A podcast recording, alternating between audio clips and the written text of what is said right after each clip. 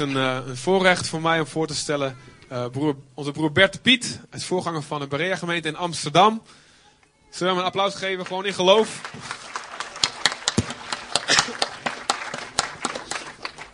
en uh, wij, gingen, wij gingen als jong broekie, dat ben ik natuurlijk nog steeds in de ogen van sommigen van jullie.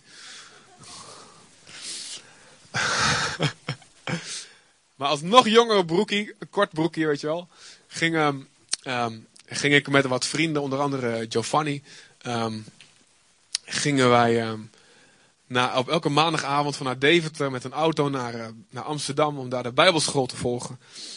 En wij kenden daar uh, de beste meneer niet die daar les gaf. maar we waren al gauw gefascineerd door, uh, door deze leraar, deze onderwijzer van het woord. En uh, ja, zo zelfs. We gingen dus elke week heen en weer, direct naar, velen direct naar hun werk. En dan weer terug.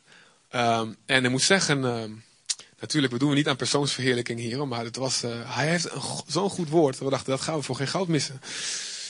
En um, er moet ook eerlijk iets beleiden. Want soms, dan, de tweede helft was het dan vaak niet altijd een woord meer. Maar dan moest je dan in groepjes bij elkaar. En dat vonden we vaak niks aan. En toen gingen we altijd stiekem er vandoor. Dus dat moet ik helaas beleiden. En ik hoop dat hij nog, dat hij nog wil spreken hier. Maar, uh, en uh, ik moest ook zeggen, af en toe ging er een, ging er een meisje mee. Um, en die ging dan met mij met de trein mee terug. En zogenaamd was dan de auto vol. En dan, dan moest ik haar begeleiden mee naar huis. En dat meisje was ik een beetje verkikkerd op.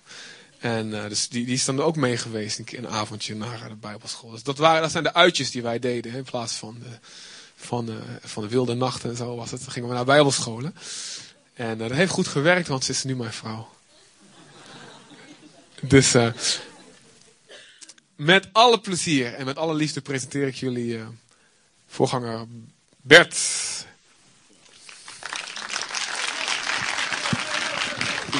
Dank wel.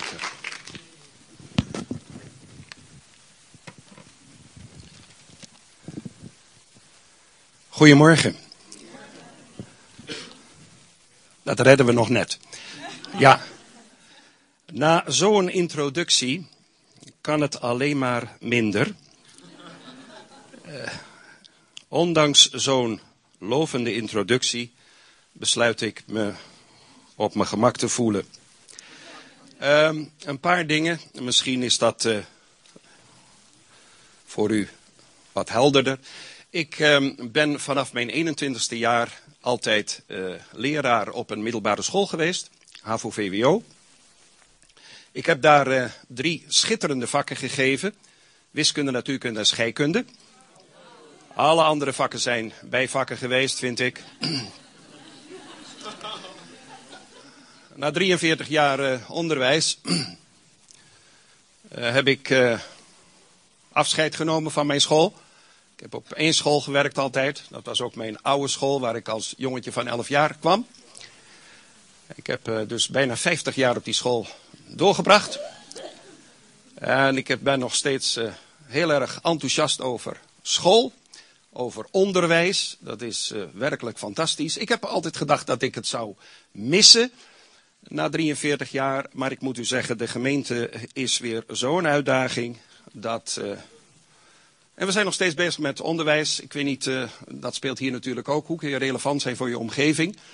Uh, nou, dat doen wij in Amsterdam uh, door bijvoorbeeld cursussen Nederlands te geven voor allochtone mensen. Wij menen namelijk dat wij beter inburger, inburgeringscursussen kunnen geven dan de overheid. Wij doen dat ook aanzienlijk goedkoper. Bijna voor niks. En wij nemen de, auto, dan nemen we de mensen mee en dan gaan we naar de Hondsbosse Zeewering en dan gaan we naar de sluizen van Imuiden om ze duidelijk te maken dat Nederland onder de zeespiegel uh, ligt en uh, dat we dus moeten pompen. En dat zijn allemaal prachtige uitdagingen. Ook computercursussen geven we. En we geven cursus Nederlands en al dat soort, of Engels.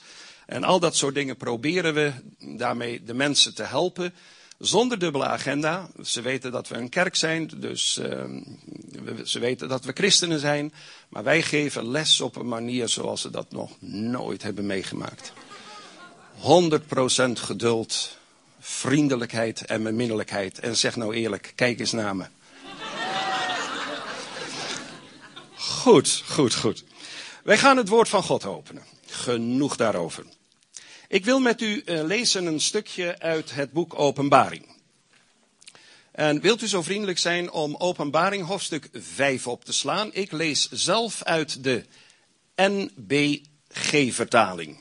Ik uh, heb inmiddels door dat hier ook de Statenvertaling uh, huist, de herziene Statenvertaling. En ik heb nog even gecontroleerd of ze nog steeds vertaald hebben op de manier zoals ze dat eerder gedaan hebben. En het antwoord was jazeker. Um, het zal ongetwijfeld zo zijn dat wanneer u het boek Openbaring achter elkaar leest, gewoon achter elkaar. Gewoon, daar heeft u natuurlijk wel een aantal keren stille tijd voor nodig. Maar dat u op een gegeven ogenblik de draad kwijtraakt. Sommige mensen al bij het tweede hoofdstuk. Anderen die houden het wat langer vol. Uh, dat heeft onder andere te maken met het feit dat uh, in het boek Openbaring een heleboel overlap voorkomt. Uh, ook in hoofdstuk 5, wat we direct gaan lezen met elkaar, althans een stukje daarvan. Als je dat goed leest en je leest door, dan kom je uiteindelijk op een gedeelte, moet u luisteren, ik ga het u gewoon eens even voorlezen. Een schitterend gedeelte. Ik lees het gewoon voor. Vanaf vers 9 tot en met 14. Je zou dat gedeelte eigenlijk uit je hoofd moeten leren. En zij zongen een nieuw gezang zeggende. Nou moeten de mensen met de NBG gewoon luisteren naar wat ik zeg. Ik lees de NBG, maar de mensen met de Statenvertaling, die horen nou verschillen. Die gaan verschillen horen. En dat zit hem in het verschil tussen hen, hen, weet u wel, hen, niet, niet, niet een vrouwtjeskip, maar een, een hen, hunnie, weet u wel. En daar waar hen klinkt voor de NBG, als ik hen zeg, hen, dan wijs ik van me af. Hen, hunnie. Of met slecht Nederlands, hun zeggen. Je kan beter zeggen, zij zeggen. U merkt wel, het onderwijs verlogent zich niet. Maar, maar waar ik hen zeg, zo direct, staat in de Statenvertaling ons. Dus waar, waar, waar de NBG van zich afwijst, hen, zegt de Statenvertaling ons. En dan heb je meteen al een probleem. Wie heeft nou gelijk? Zo zitten Nederlanders in elkaar. Wie heeft gelijk? Ik ga lezen. En zij zongen een nieuw gezang, zeggende, gij zijt waardig de boekrol te nemen en haar zegels te openen, want gij zijt geslacht en hebt hen voor God gekocht met uw bloed, uit elke stam en taal en volk en natie. En gij hebt hen voor onze God gemaakt tot een koninkrijk en tot priesters, en ze zullen als koningen heersen op de aarde. En ik zag en ik hoorde een stem van vele engelen rondom de troon en van de dieren en de oudsten. En hun getal was tienduizenden tienduizendtallen en duizenden duizendtallen, zeggende met luider stem. Het lam dat geslacht is, is waardig te ontvangen de macht en de rijkdom en de wijsheid en de sterkte en de eer en de heerlijkheid en de lof. En alle schepsel in de hemel en op de aarde en onder de aarde en op de zee en alles wat erin is, hoorde ik zeggen, hem die op de troon gezeten is. En het lam zij de lof en de eer en de heerlijkheid en de kracht tot in alle eeuwigheden. En de vier dieren zeiden, Amen. En de oudste wierpen zich neer en aanbaden. Wat een woorden. Bent u trouwens met me eens dat het laatste wat we gelezen hebben, en dat maakt het boek Openbaring, want daar begon ik mee, zo lastig. Merkt u dat dit hier betekent God is alles in allen?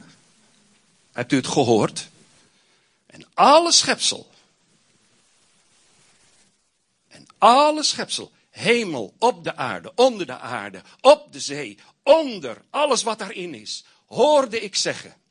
Hoort u het? Heeft u het gehoord? Dit is God alles in allen. Dit is het einde. Dit is de volleinding. De eeuwigheid breekt aan. Dit is een vergezicht. En dan verwacht je, hoofdstuk 5, klaar, openbaringen. Einde van de Bijbel.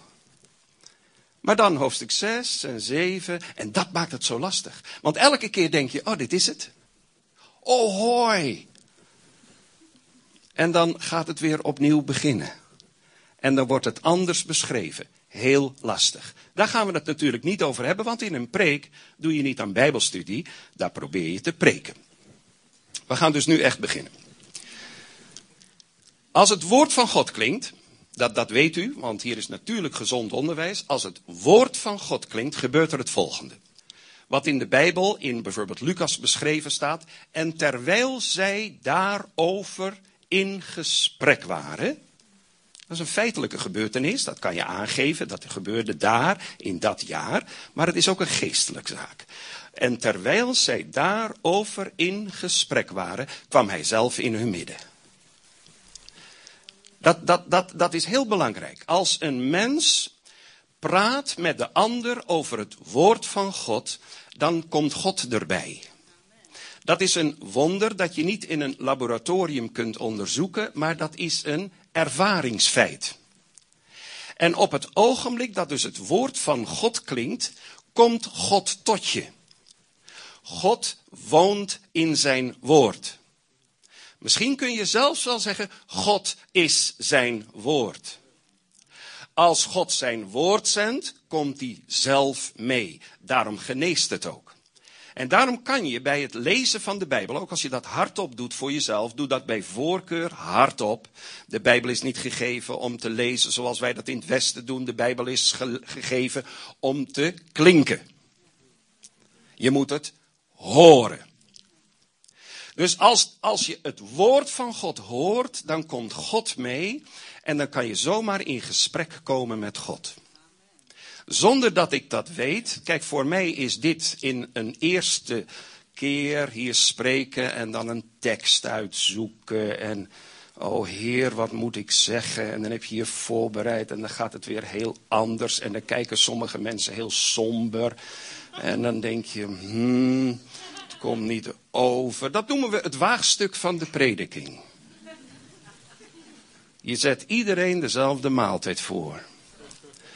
Maar tussendoor gaat God met zijn geest aan het werk. U kunt in gesprek raken met iets wat u treft. En als u heel ver weg bent van God. Of bij uzelf zegt, haha, je bekijkt het maar. Er zijn momenten in een preek waarin God heel dichtbij is. En als je dan je pinkje aan hem geeft, dan gaat God dat pinkje uitermate zegenen. Zo zegenen dat je zegt, nou u mag mijn hand wel hebben. En dat maakt hij tot een grote zegenrijke hand. En aan het eind van je leven, daar is God op uit, heeft hij je helemaal. Dus wat sommige overijverige predikers wel eens zeggen. Als je je niet helemaal geeft, dan werkt het niet. Dat is niet helemaal bijbels. We begrijpen het enthousiasme. We vergeven het, de spreker dus. Wij gaan lezen. He, wij gaan lezen. Wilt u zo vriendelijk zijn om met mij mee te lezen? En ik zag in de rechterhand van hem die op de troon zat een boekrol beschreven van binnen en van buiten. Verzegeld met zeven zegels. En ik zag een sterke engel die met luider stem uitriep. Wie is waardig de boekrol te openen en haar zegels te verbreken? En niemand in de hemel, nog op de aarde, nog onder de aarde, kon de boekrol openen of haar inzien. En ik weende zeer omdat niemand waardig was gebleken de boekrol te openen of die in te zien. En een van de oudsten zeide tot mij, ween niet.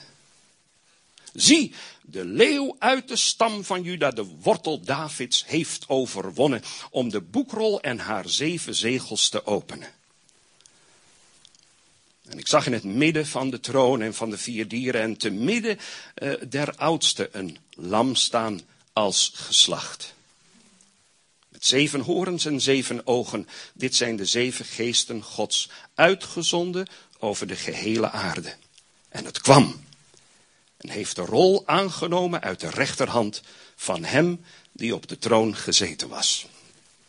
Tot zover.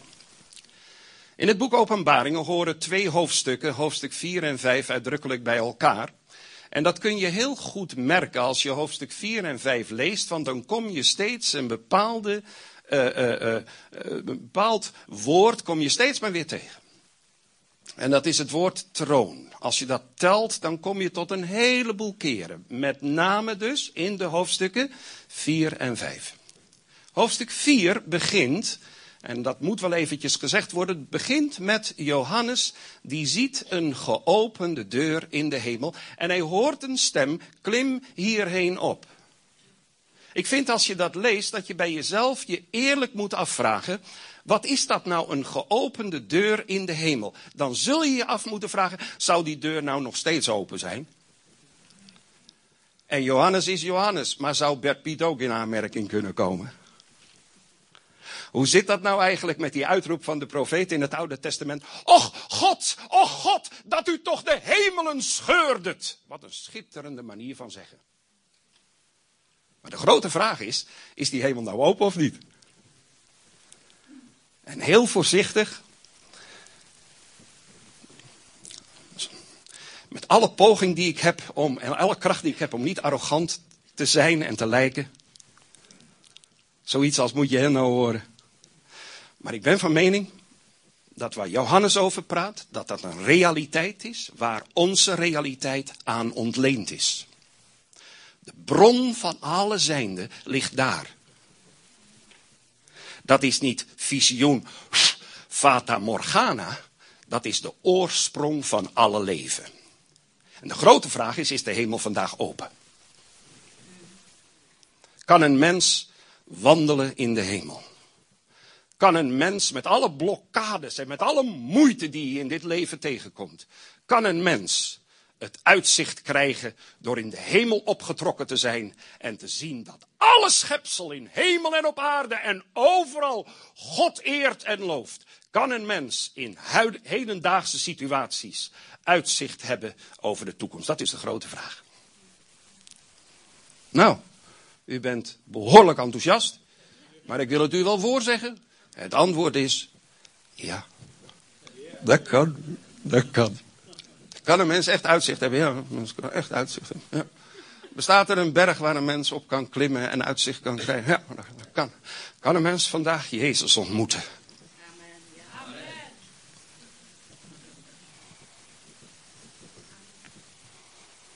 Nou, dat is even mooi om dat te zeggen.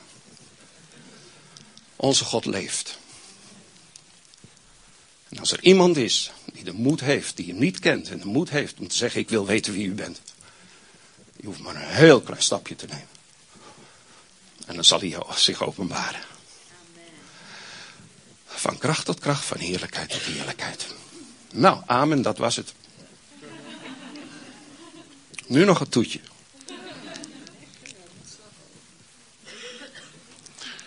Johannes die komt in de hemel aan en dan ziet hij, en dat is heel merkwaardig en dat heeft een reden. Ik wil u, u begrijpt wel, ik wil u een beetje lekker maken.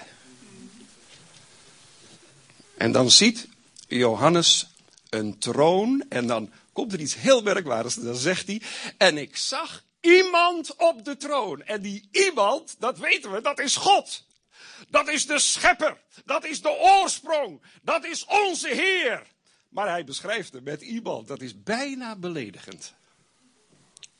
Dat is heel raar. En dat heeft natuurlijk een reden. Wat er wel beschreven wordt, dat is alles wat er rondom de troon gebeurt. En in hoofdstuk 5 zul je merken hoe de echte beschrijving is van die iemand. En hoofdstuk 5 begint dus met en ik, en ik zag. En dan wordt er over die iemand die op de troon zit, wordt gezegd dat hij een rechterhand heeft. En in die rechterhand, daar ligt een boekrol. En die boekrol, dat is een heel bijzondere boekrol. Die trekt ook de aandacht van Johannes, omdat het een merkwaardige boekrol is. Niet alleen is hij ontstellend verzegeld met maar liefst zeven zegels. Maar die boekrol die is van binnen en van buiten beschreven. Dat is heel raar. Want een boekrol beschrijf je normaal gesproken alleen maar aan de binnenkant. Daar is de nerfstructuur van het materiaal waar je op schrijft zodanig geschikt dat je kunt schrijven. De achterkant haak je pen steeds. Maar deze is van binnen en van buiten beschreven. Zo'n merkwaardige boekrol dat ze er een heel speciale naam voor hebben gevonden. Opistograaf. Zegt u het eens? Onvoorstelbaar. In Amsterdam redden ze dit niet. Ja, uh, wijzen komen uit het oosten. Je beseft trouwens dat er in het oosten ook nog meer oostelijk is, hè? Rustig, hè? Rustig, rustig. Bescheiden graag. En, en, en, en, en, en die boekrol, die, die, die wordt uitgestrekt en dan is er een sterke engel. Er is namelijk een categorie sterke engels. Engelen, engel, engelen, ja. Er is een categorie sterke engelen, die hebben iets met boeken. In openbaringen 10 kom je ook zo'nzelfde engel tegen. Ook een andere sterke engel. Die heeft ook iets met een boek. Dus blijkbaar is er een klasse sterke engelen. Dat zijn vooral grote engelen. Die, die zijn formidabel groot. En deze sterke engel, die roept uit in de hemel. Wie is waardig de boekrol te nemen en zijn zegels te verbreken? Het is ontzettend belangrijk dat dat wel gebeurt. Er is een heel grote menigte in de hemel. Wat ik nu zeg is voor ons mensen heel moeilijk te bevatten. En waarschijnlijk, en daar moet je altijd mee opletten hoor, met openbaring. Want daar zijn, ondanks het feit dat het boek openbaring heet, zijn daar meningsverschillen over. Onvoorstelbaar. Maar je kunt jezelf beveiligen door te zeggen, het gaat niet over iets, het gaat niet over gelijk of ongelijk. Openbaring gaat over een persoon. En dan is al een heleboel kou uit de lucht. Maar er is dus duidelijk een woord, wie is waardig? En, en in de hemel is verleden en heden en toekomst alle drie aanwezig. Niet zoals wij dat meemaken. Voor ons is het heden flinterdun. Bent u dat met mij eens?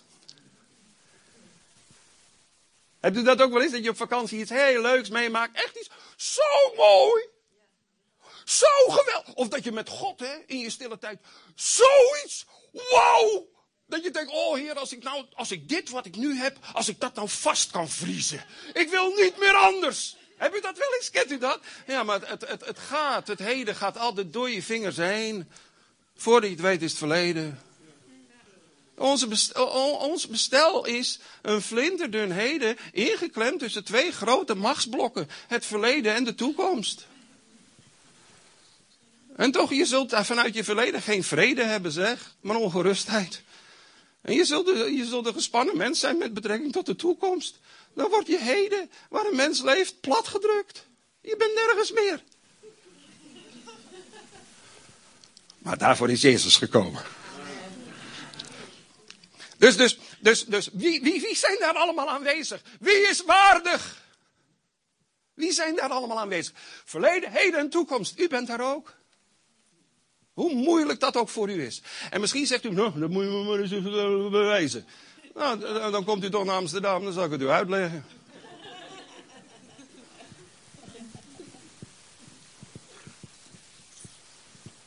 En Elia is er.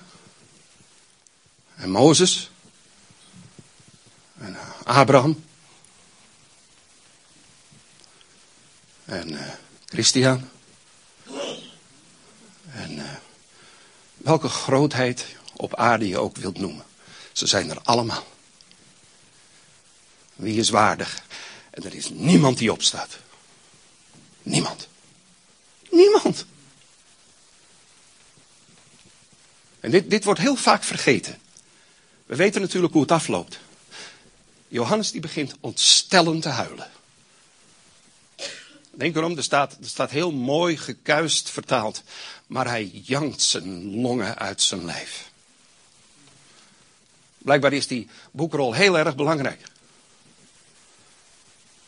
Uh, niet de moeite waard. Het is veel te heilig om daarover te kiften van niet het is dat, het is dat, hou op. Stop ermee, joh. Je bent in de hemel. Je moet je heilig gedragen. En waardig gedragen. Johannes die huilt en er is niemand. En dan is er een oudste. Een wrang grapje van de goede oudsten komen alleen maar in de hemel voor.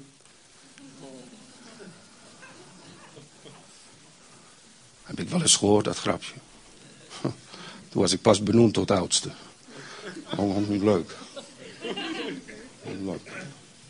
Maar ik begreep het wel. Ik begreep het wel. En later begreep ik het nog beter.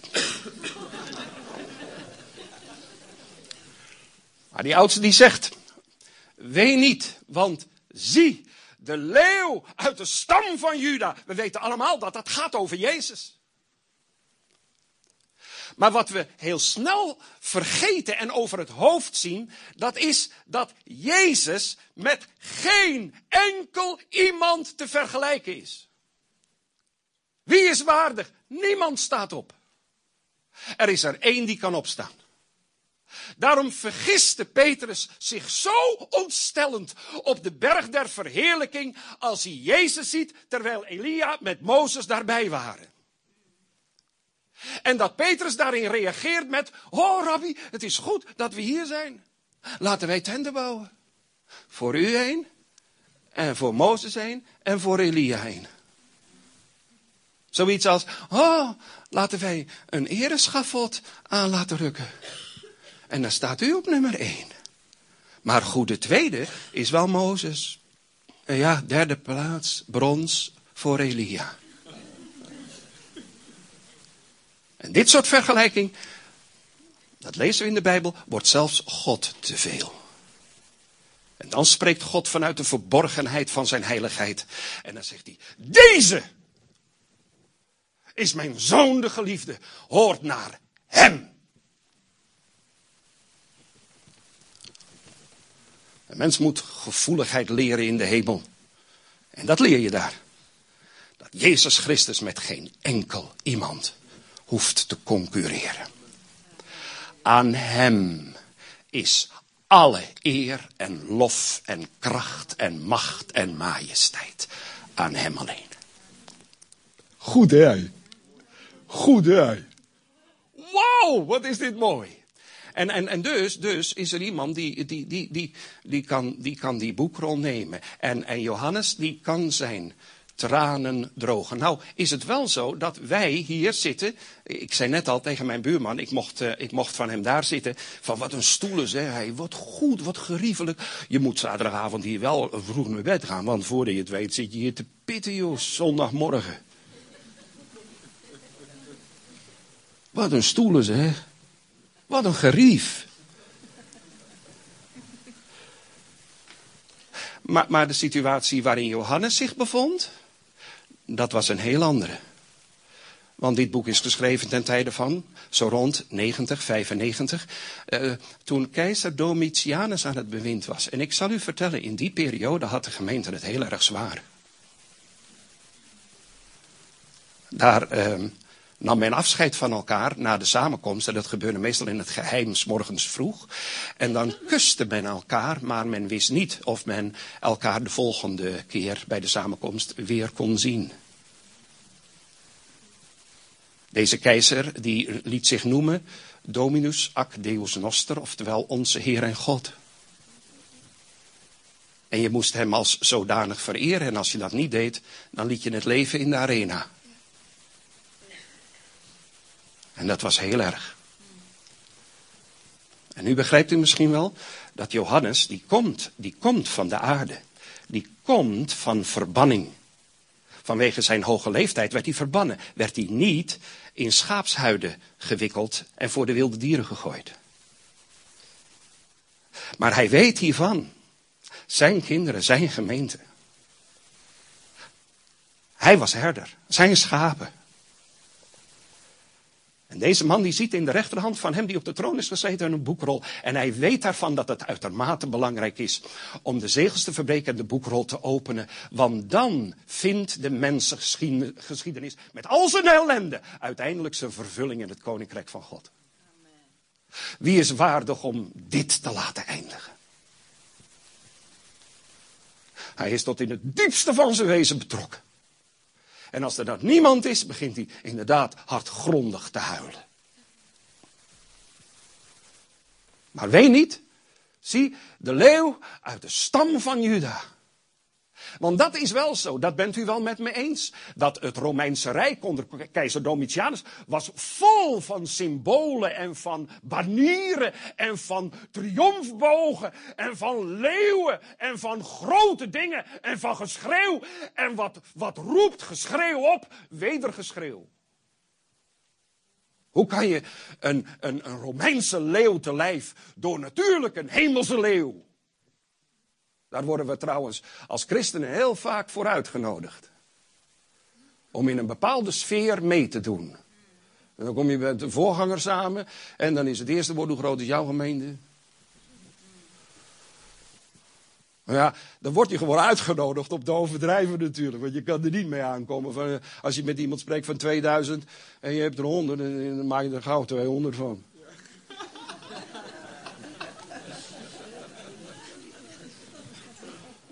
En niet dat je dan Gods stem hoort, hoor helemaal niet. Maar als de samenkomst voorbij is, dan zegt de Heere God, had je wel goed geteld, Bert?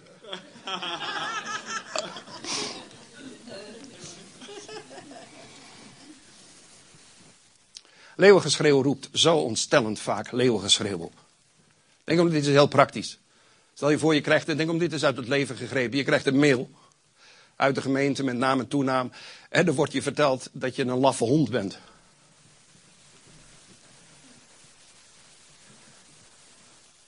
Oh, halleluja. Oh, Heer, wat fijn om voorganger te zijn. Meer, Heer. Nou, dan is de grote vraag wat je dan gaat doen. Dit soort gescheld, roept dat ook wat op bij jou aan gescheld? Ja, natuurlijk, natuurlijk. Dat is niets menselijks is ons vreemd.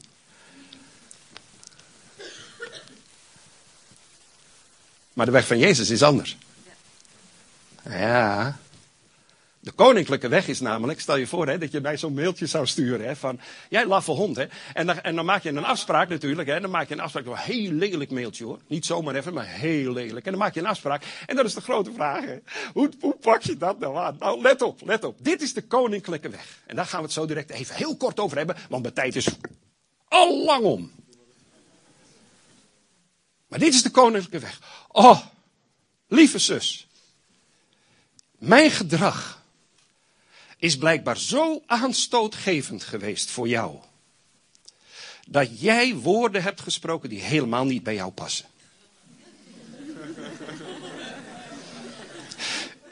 Wil me dit toch alsjeblieft vergeven? Als je dat zo aanpakt, en dat is nou de koninklijke weg, hè, heb je trouwens wel even een week bedenktijd voor nodig.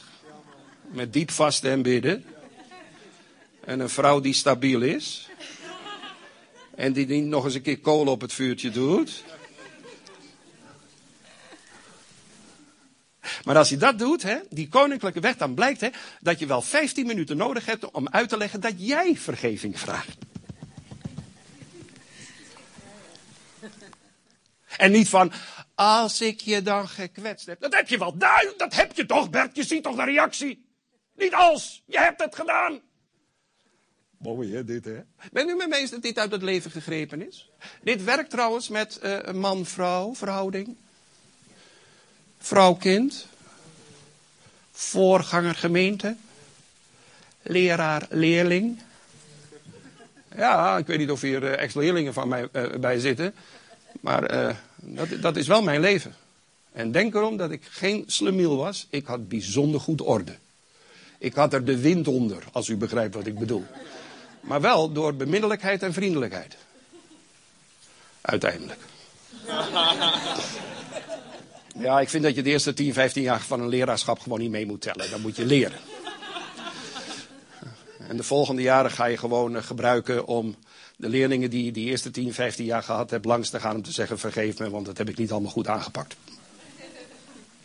Iedereen moet leren. Maar we gaan weer terug. Zie, de leeuw uit de stam van Juda. Begrijpt u wat er aan de hand is? Een leeuw van Rome roept volgens die oudste ook leeuwenkracht vanuit de hemel op.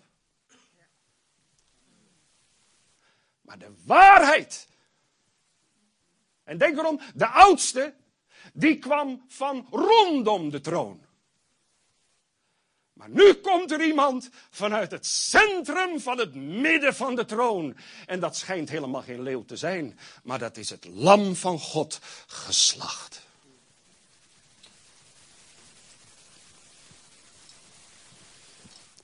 Dit is een van de redenen waarom die iemand die op de troon zit, iemand wordt genoemd. Omdat wanneer het lam dat geslacht is openbaar wordt, het hart van God openbaar wordt. En laten we maar elkaar gewoon eerlijk aankijken. Er is niemand van ons die dit uit eigen kracht kan vertegenwoordigen. Dat kan je niet nadoen. Dat is onmogelijk. Dat kan niet, joh. Daar moet je zelf sterven, opdat Hij tot leven komt in je leven. Het lam van God. Begrijpt u wat hier gebeurt? Ik denk dat hier zit. Ik, ik, heb niet zoveel tijd om daarover na te praten. Maar denk erom wat hier gebeurt. Het lam als geslacht. Maak je daar nou eens een voorstelling van. Het lam als geslacht. Denk erom. Jezus had het offer al lang gebracht. Maar hier is het verleden present. Tegenwoordig. Sommige mensen zeggen, nou kijk, als ik naar de hemel ga, dan zal alle ellende en alle litteken en alle dingen en alle dat en alle zus en alles zo, het zal allemaal weg zijn. En ik zal u vertellen, nee, je verleden neem je mee. Ook al je littekens neem je mee. Petrus zal altijd heten, hij die Jezus onder vervloeking heeft verlogend. Zo zal hij altijd heten. Dat litteken draagt hij altijd mee, hoe moeilijk dat ook is. Het lam zal altijd het geslachte lam zijn. Maar, dit is het geweldige in de hemel. De littekens heb je, maar de pijn is er volkomen uit. En de littekens zijn er niet om je te schamen. Maar de littekens zijn er om God groot te maken. En te laten zien wie je bent geworden dankzij de genade van God. En het lam nam de boekrol. En hij verbrak de zegels. En de mensengeschiedenis komt tot een einde. Er is uitzicht. Onvoorstelbaar. Er is uitzicht. En dat uitzicht, daar wil ik nog eventjes een paar dingen over zeggen. Moet u toch eens luisteren. Als je het leest, als je het leest. Die gebeden, hè, die je gebeden hebt tot God, hè, en waarvan wij min of meer denken dat zijn onverhoorde gebeden. Die hulp roepen hè, over zaken die dreigen mis te gaan en die ook inderdaad misgegaan zijn.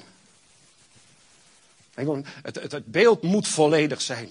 Kinderen die geen tijd hebben gehad om volwassen te worden. Ongeboren vruchten die geen tijd hebben gehad om geboren te worden. Vaders en moeders die hun uiterste best hebben gedaan voor hun kinderen, maar ze hebben het niet gered. Het overgrote merendeel van de mensheid die er is op aarde, daarvan kent niemand de naam. We kennen een paar grootheden. En we denken dat dat de mensengeschiedenis is. Niets is minder waar. De geschiedenis die we kennen is de geschiedenis van de 3% apparten. Wij kennen niets van die 97% van mensen wier naam in de vergetelheid is geraakt. Maar wat blijkt als het lam de boekrol neemt, dan worden die naamloze mensen met een naam.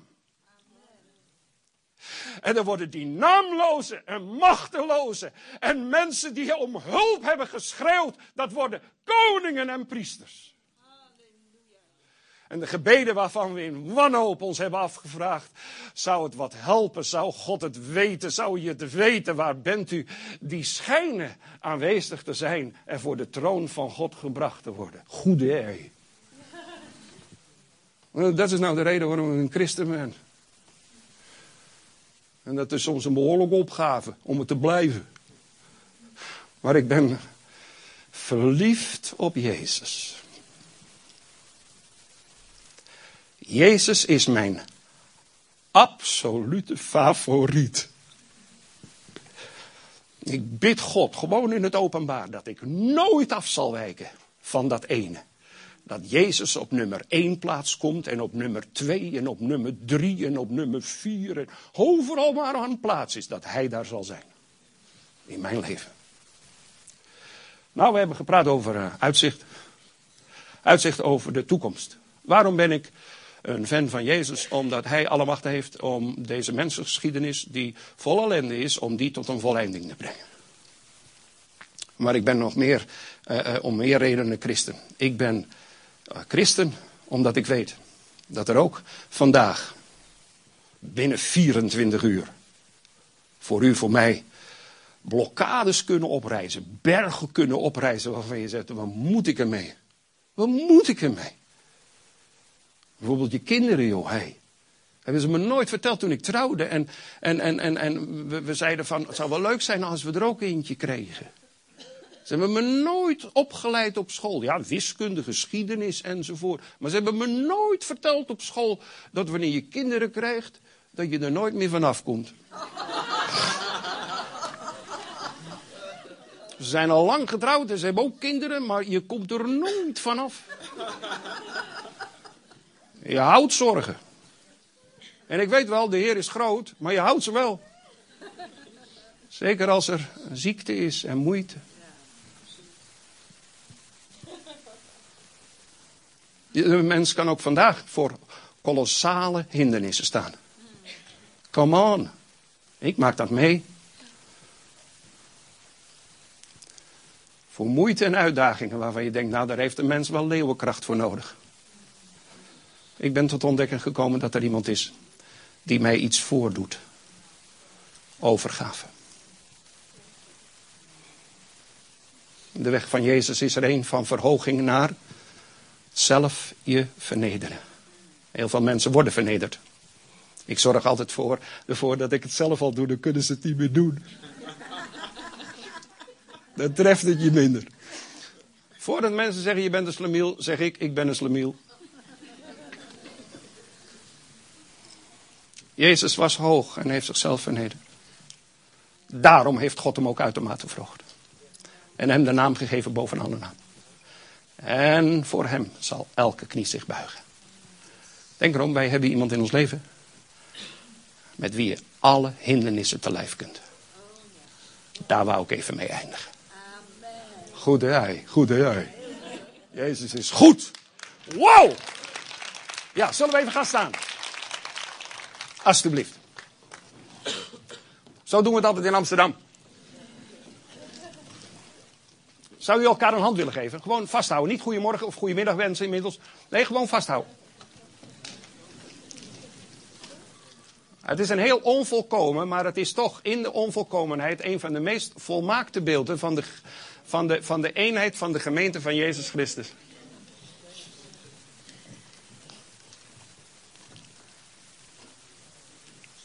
Alleen zo kunnen we aan wat er buiten gebeurt. Alleen zo kunnen we buiten veroveren. Zo. En dit, dit gaat veel verder dan wat ik nu even kan zeggen. Negatief betekent, nou, nou, nou ze zo één zijn, weet u wel, Babel. Nou ze zo één zijn is niets meer onmogelijk voor ze. Kom, laten we hun taal verwarren. Maar ze hadden ook een verkeerd doel voor ogen. Wij niet. Kort gebed. En ik hou mijn ogen daarmee open. Want het is zo mooi om dit te zien. Vader, dank u wel dat u hier bent. U bent onze papa. En u weet precies waar we mee zitten. En u bent zo goed. Dat er nooit iemand zal kunnen zeggen dat hij van voor uw aangezicht verwijderd is. Dat gebeurt niet bij u. Dat gebeurt wel bij mensen. Dat doen we ook onszelf aan. Papa God, kom over ons. Woon bij ons. Woon in ons. Wij ontvangen u opnieuw in Jezus' naam. Amen. Dank u wel, u mag weer even gaan zitten. Tenminste, tot nader order, veronderstel ik.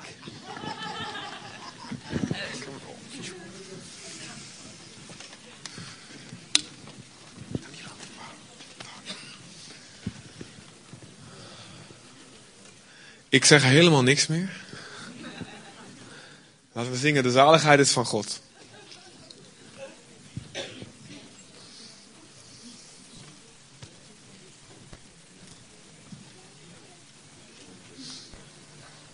Eh, hey, 381.